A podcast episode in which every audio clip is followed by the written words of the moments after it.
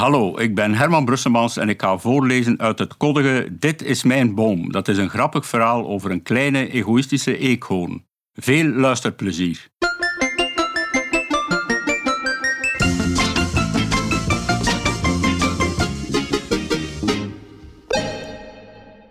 Ik ga jullie nu voorlezen uit een boek en dat boek heet Dit is mijn boom. Het gaat over een eekhoorn en die spreekt tot ons. Die zegt: Ik hou van bomen, ik hou van deze boom. Het is mijn boom. Ik hou ervan om mijn dennenappels te eten in de schaduw van mijn boom.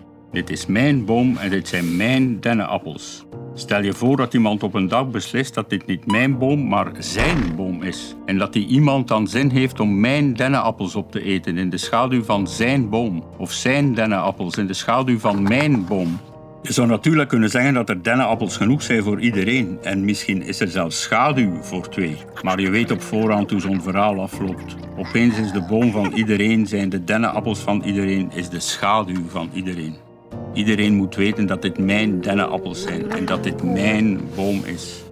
Ik zou een grote poort kunnen maken. Een poort werkt altijd. Ze toont meteen dat dit mijn plek is. Ik kan ook een hek timmeren en dan laat iedereen mij met rust. Of ik kan een muur bouwen.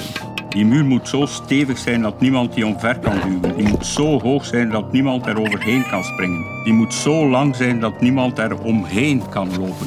Ik heb een eindeloos lange muur nodig om mijn boom en mijn dennenappels te beschermen. De muur stopt pas als ze botst op een andere muur. Ik vraag me wel af wat er achter die andere muur kan zitten. Misschien wel helemaal niks. Misschien ligt er achter die andere muur wel een dennenappel. Misschien is die dennenappel stukken groter dan mijn dennenappels. Misschien ligt er achter die muur een gigantisch dennenbos. Misschien is dat mijn bos, vol met dennenappels die allemaal van mij zijn.